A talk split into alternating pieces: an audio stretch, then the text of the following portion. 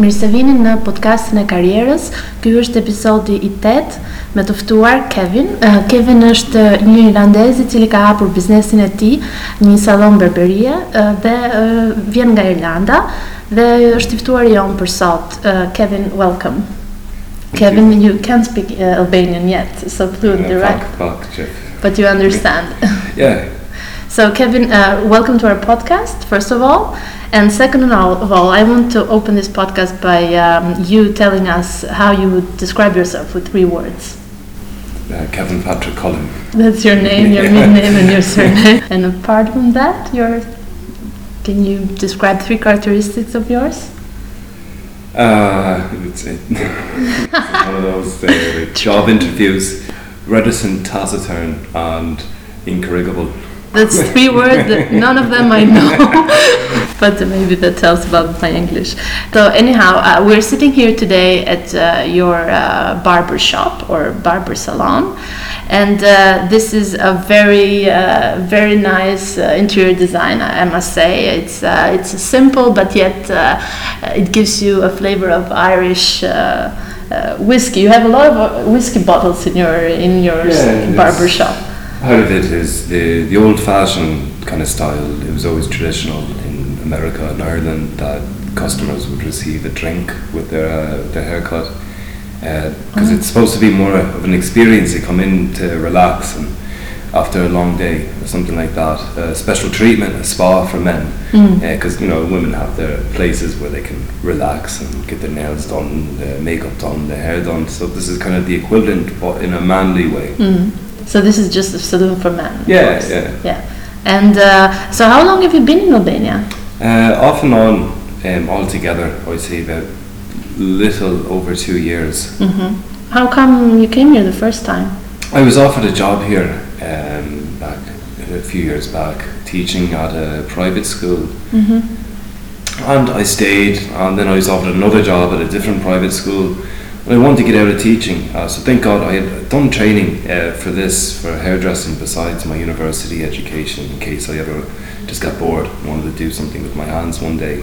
What was your university education? in uh, English and writing, Mhm. so literature and writing. And so I made some good friends here, and I wanted to stay on, stay here for a while more, but not teach anymore. So I decided to use my other training uh, to open a business.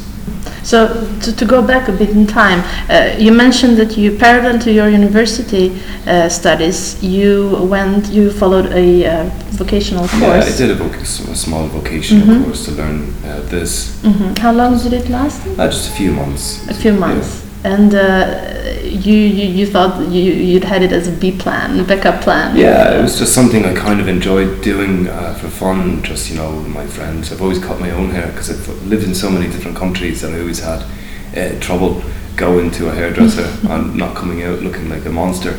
So I had to learn to do it myself and I enjoyed doing it. So I thought maybe I also should do a vocational course and make it, uh, turn it into some, some way to make money.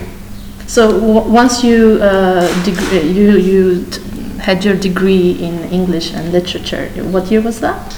That was 2000, when did finish? Uh, 2010? 2010. 2010. And yeah. right after that, you started working uh, as a teacher, or Yeah, yeah, yeah? right after that. in was- Ireland. I was working in lots of different places. I've worked in Ireland, I've worked in Poland, I've worked in Estonia, Mhm. I've worked here. Mm.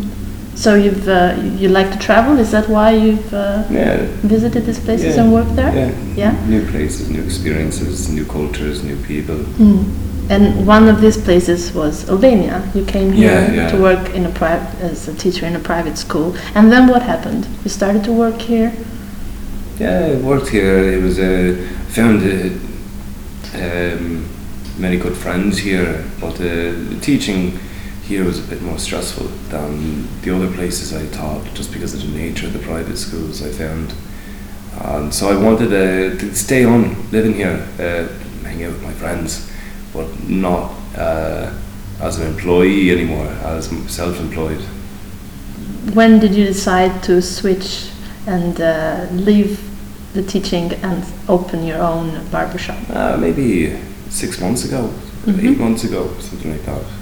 So how did how did you do it? Did you find it difficult to uh, register your business? No, it was quite simple. A lot of that was very simple. Mhm. The most difficult part probably was just uh, the, the legwork of running to so many different offices that are not really clearly marked on maps, Mhm. and uh, nobody actually knows quite exactly where they are, Mhm. and spending whole days running all, all over the city trying to find places. And How, how did you manage it to, to find uh, the information that you needed to open your own business? uh, there's lots of phone calls to friends who have had their businesses. So basically, personal personal contacts. yeah, personal contacts entirely, hundred percent. Mhm.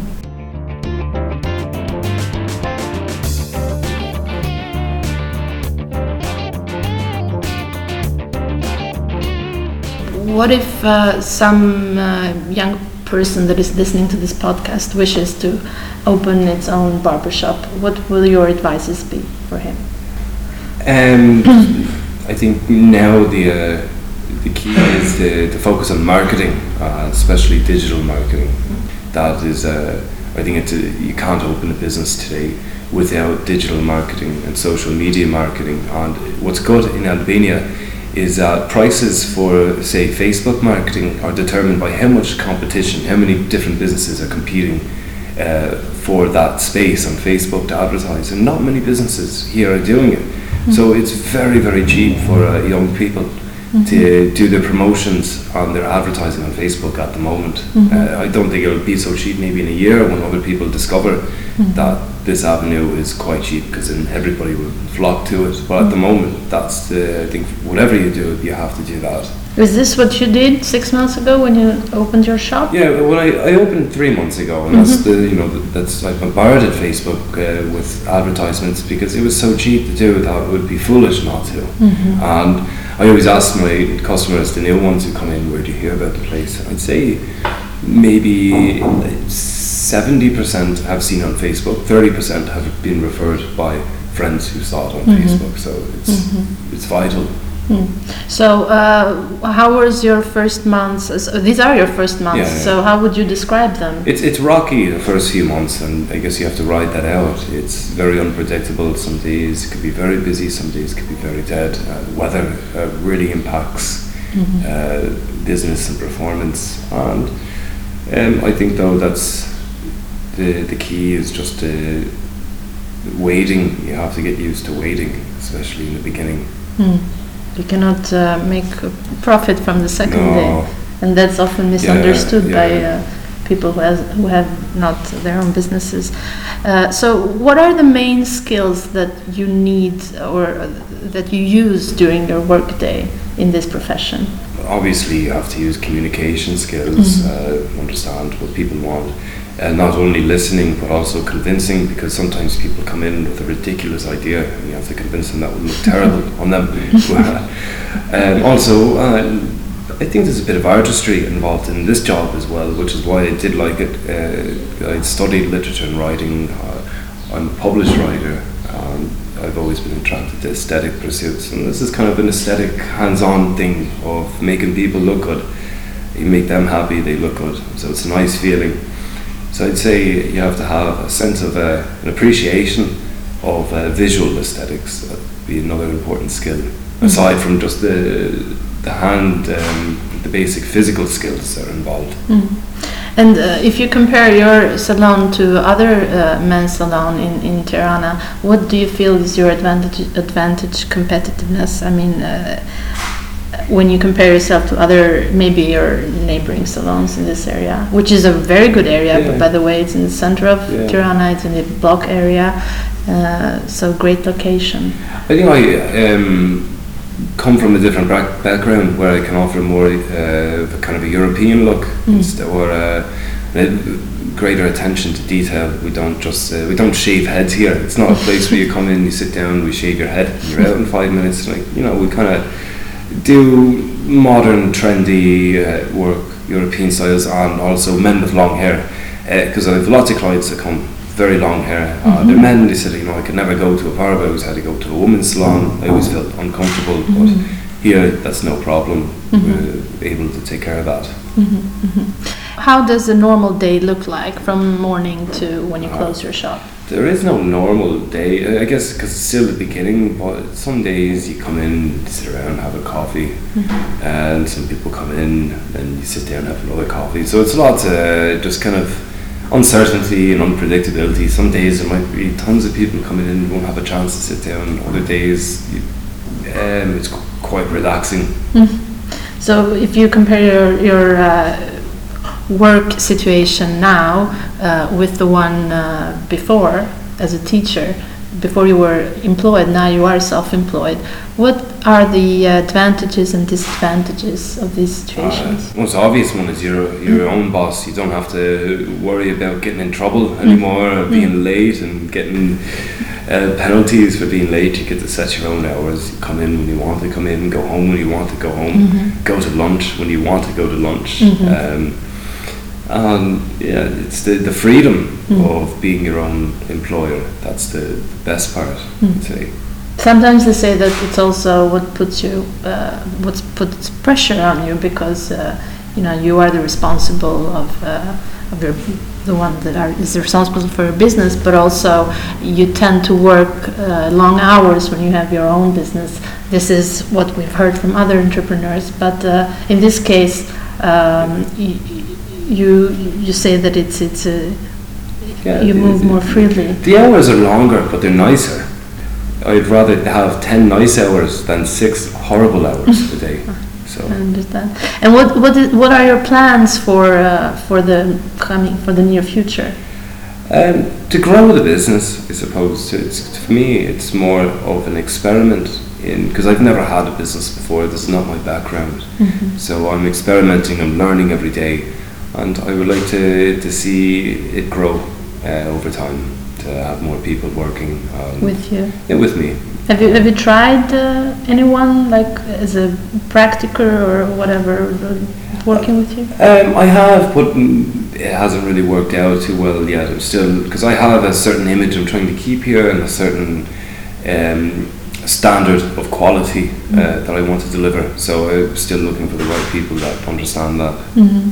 And and the last uh, the last question for this uh, podcast: uh, any mistake that you have uh, made during these first months that you would um, advise others to not do? Uh, I mean, during this first challenges of establishing your business, anything that you found difficult or something that you just you have to manage expectations. So Probably the biggest, the biggest mistake is don't have unrealistic expectations. And I think everybody when they're opening their first business kind of has difficulty managing expectations. And once you learn that things that reality offer often differs um, from what you hope reality to be, uh, you can you can find a certain peace and understand that uh, things happen on their own terms, uh, not as quickly as you might like them to, but they do.